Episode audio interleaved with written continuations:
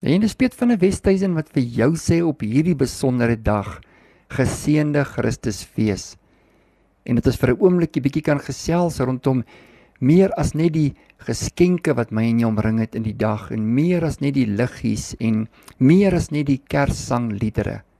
Ja, in my en jou is daar 'n belewenis oor wie Jesus is. In my en jou is daar werklikheid dat hy die geskenk van God vir my en vir jou is. En dat hierdie teenwoordige Jesus in my en jou lewe hier en nou ook is. Dat hy nie net 'n historiese Jesus is nie, dat hy nie net eendag iewers in die geskiedenis 'n lewe gehad het en 'n impak gemaak het nie, maar dat daardie selfde lewe teenwoordig is hier en nou in my en jou lewe. Ek is baie lief vir Lukas hoofstuk 1 en in besonder in hierdie Christusfeestyd en ek lees dit sommer so vir my en jou die geboorte van Jesus aangekondig. En in die 6ste maand is die engel Gabriël deur God gestuur na 'n stad in Galilea met die naam van Nasaret, na 'n maagd wat verloof was aan 'n man met die naam van Josef uit die huis van Dawid. En die naam van die maagd was Maria. En die engel het by haar ingekom en gesê: "Wees begroet, begenadigde. Die Here is met jou. Geseënd is jy onder die vroue." En toe sy hom sien, was sy baie ontsteld oor sy woord en sy het daaroor nagedink wat hierdie groet tog kon beteken. En die engel sê vir haar: Moenie vrees nie, Maria, want jy het genade by God gevind. En kyk, jy sal swanger word en 'n seun baar, en jy moet hom Jesus noem. Hy sal groot wees en die seun van die Allerhoogste genoem word, en die Here God sal aan hom die troon van sy vader Dawid gee. En hy sal koning wees oor die huis van Jakob tot in ewigheid en aan sy koninkryk sal daar geen einde wees nie. Toe sê Maria vir die engel: "Hoe kan dit wees aangesien ek geen man het nie?" En die engel antwoord en sê vir haar: "Die Heilige Gees sal oor jou kom en die krag van die Allerhoogste sal jou oorskadu. Daarom ook sal die heilige wat gebore word die seun van God genoem word.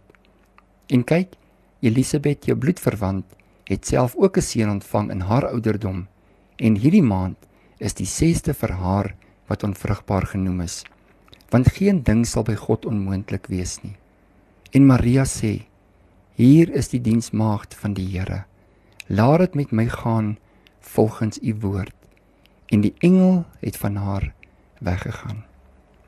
Ai ons lees hierdie verhaal en storie jaar in jaar uit en dit word so maklik vinnig gewoond aan wat die geboorte van Jesus was en wat die uitwerking was en hoe die storie homself ontvou het.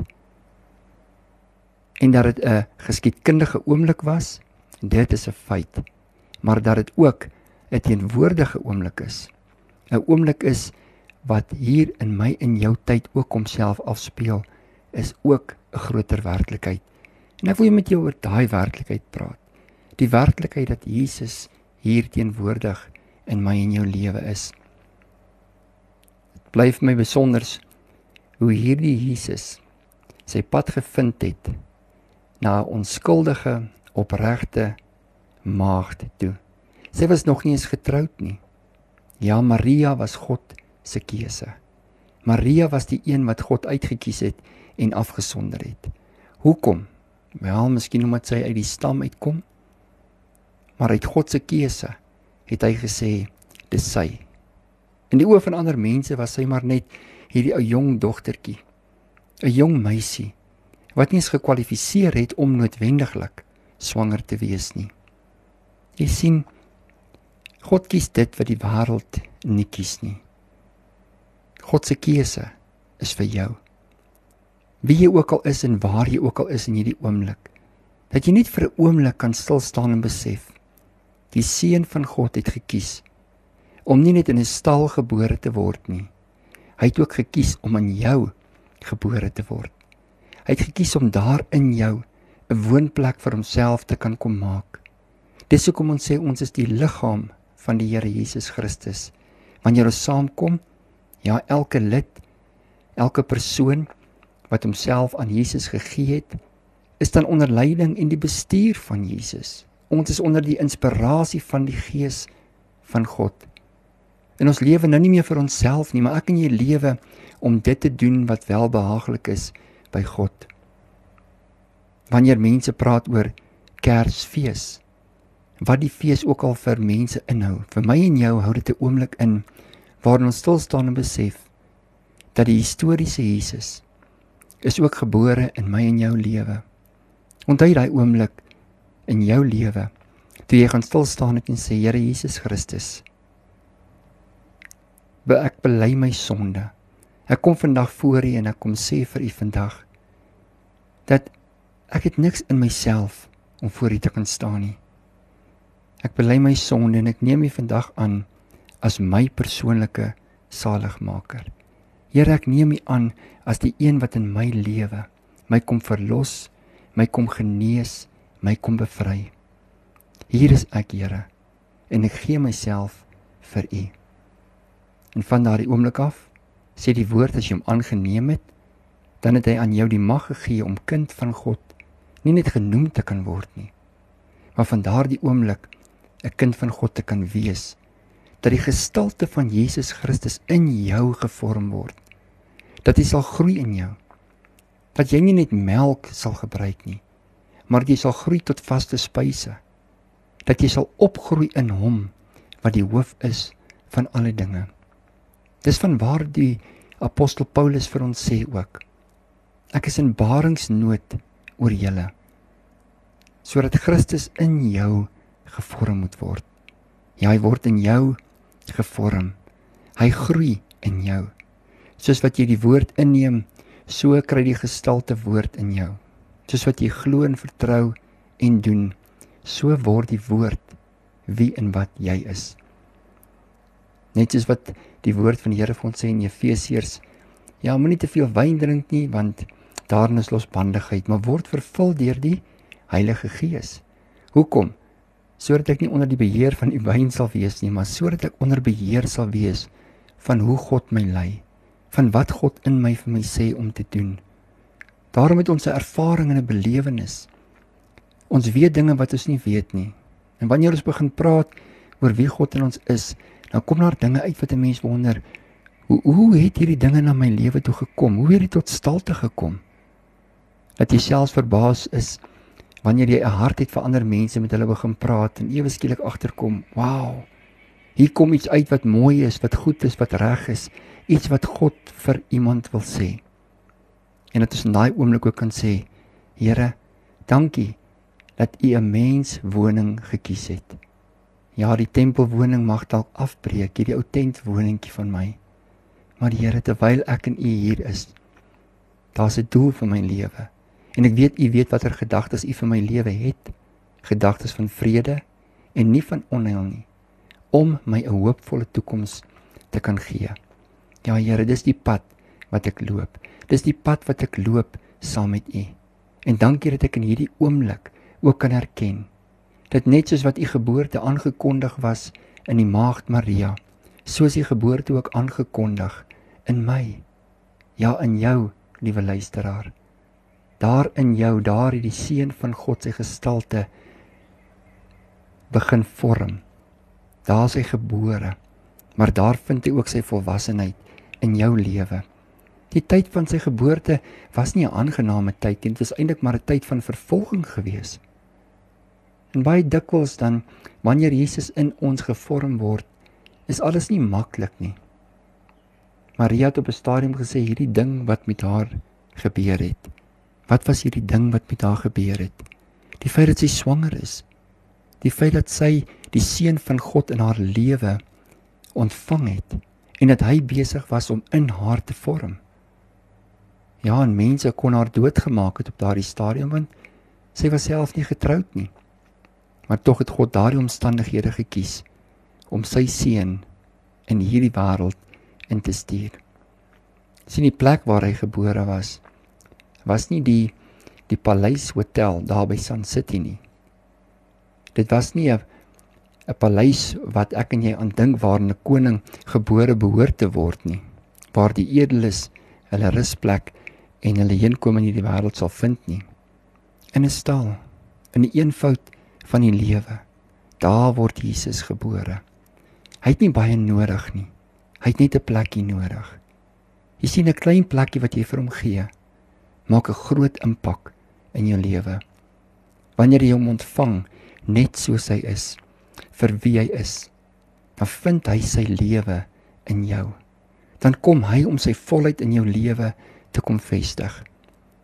En maak nie saak hoe jy voel oor die plekkie wat jy beskikbaar het vir hom in jou lewe nie. Wat saak maak is dat hy kies om by jou te wees. Hy kyk op in die willevye boom en hy sê vir Saggeus: Saggeus, klim af want ek kom na jou huis toe vandag. Ja, ek kies om by jou aan boord te kom. Ek kies om jou te roep by jou naam. Ek kies om tyd te kies om stil te staan by jou. Ek kom na jou huis toe. Ek kom tyd saam met jou spandeer. Maar Here, wie's ek? Ek is die kleinste van my geslag, Here. Ek is die minste, Here. Ek het jou gekies, sê hy. Ongeag van wat jy sê en hoe jy voel, hy het 'n plek vir homself in jou voorberei. Daardie plek, ja, dit kan met goud omring wees. Dit kan met pragtige materiaal bekleed wees. Maar net jou beste is goed genoeg vir hom. En jou beste is dit wat jy het. Jou beste is dit wat jy is. Daardie plek waar jy gebore is, dit word die plek van transformasie. Niks is meer dieselfde wanneer Jesus in jou lewe gebore word nie. Niks bly meer dieselfde wanneer die seun van God in jou lewe teenwoordig is nie. Hy kom om te lewe. Hy kom om impak te maak, nie net in jou nie, maar ook deur jou lewe. Kom hy om sy pad deur jou te vind na hierdie wêreld toe. En dieselfde met Maria. Hy was eens maar net 'n fetusie. Net 'n klein babietjie wat in haar skoot gevorm was. En toe hy gebore is, toe begin hierdie Jesus om die wêreld vol te loop. Ek dink tog daar kom 'n tyd in my en jou lewe waar dit nie, nie meer goed genoeg vir ons is om om maar net kerk toe te gaan nie, maar net te bid nie, net Bybel te lees nie, maar om hierdie Jesus van ons kerk toe gaan die wêreld in te neem. Om hierdie Jesus met wie ons elke dag in gesprek is, ook nie in hierdie wêreld in te neem. Dis sê Here, hier's ek. Maak 'n verskil deur my lewe in hierdie wêreld. Wat ook al die omstandighede is, Here. Dan mag dalk 'n Herodes wees dan mag dalk politieke onbestendigheid wees. Dan mag dalk ongeregtigheid wees wat elke dag in my en jou lewe ons omring en manifesteer om ons. Maar God sê ek wil jou gebruik. God sê ek wil met jou voete loop. Deur jou hande wil ek gee. Deur jou hande wil ek ontvang. Ek wil jou lippe gebruik om te seën en nie te vervloek nie. Ek wil jou oë gebruik om die goedheid, die barmhartigheid en die geregtigheid in hierdie wêreld vir ander te kan wys dat hulle dit ook kan sien. Die omstandighede bepaal nie wie jy is nie. Dis die Jesus in jou wat jy toelaat om deur jou te werk wat jou omstandighede bepaal.